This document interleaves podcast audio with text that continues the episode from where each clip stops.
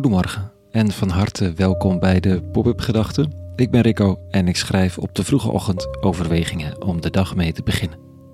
Vandaag met de titel Maar jij moet sterker zijn. Pop-up Gedachten maandag 13 februari 2023.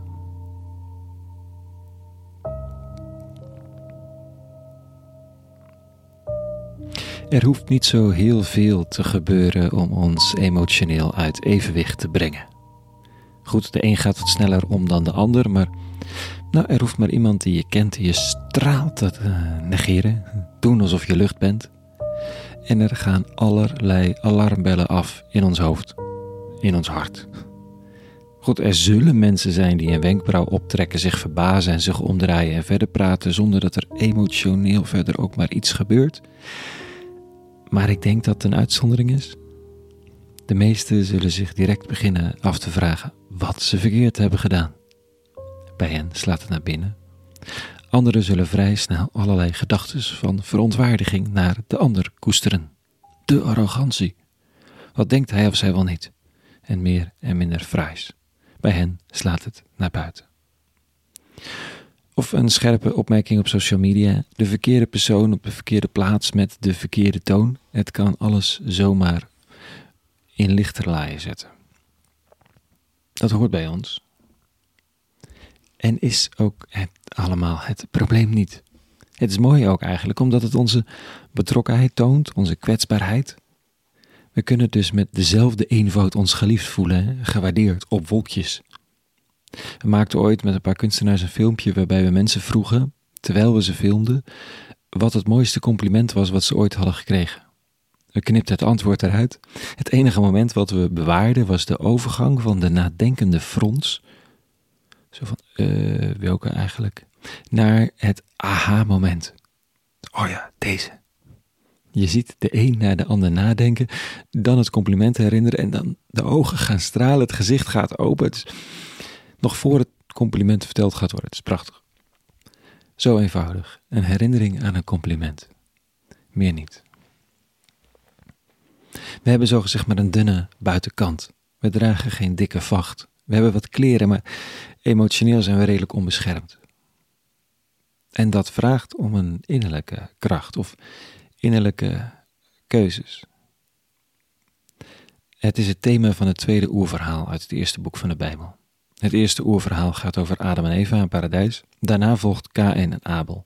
Het is ook zo'n archetypisch verhaal. We kennen de namen van deze twee, zodat het verhaal verteld kan worden. Maar het gaat over ons en de vraag is hoe. Vandaag brengen Kain en Abel een offer. Kain raapt wat oogst bij elkaar en offert het. Abel zoekt zorgvuldig het mooiste lammetje uit. En dan staat er dat de eeuwige oog heeft voor het offer van Abel, maar niet voor dat van Kain. Wat je pietluttig zou kunnen vinden van zijn godheid, maar daar gaat het nog niet over. Kain voelt zich genegeerd. Hoe? Geen idee, maar dit is wat het toneel ons vertelt. En dit staat er. Voor Kain en zijn offer had hij geen oog. Dat maakte Kain woedend, zijn blik werd donker. De eeuwige vroeg hem, waarom ben je zo kwaad? Waarom kijk je zo donker? Handel je goed, dan kun je toch iedereen recht in de ogen kijken.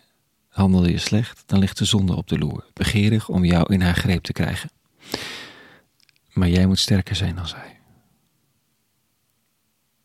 Er zit niet per se een oordeel op het mogelijk wat rammelige offer dat hij bracht. Geen oordeel op zijn woede, ook alleen een waarschuwing.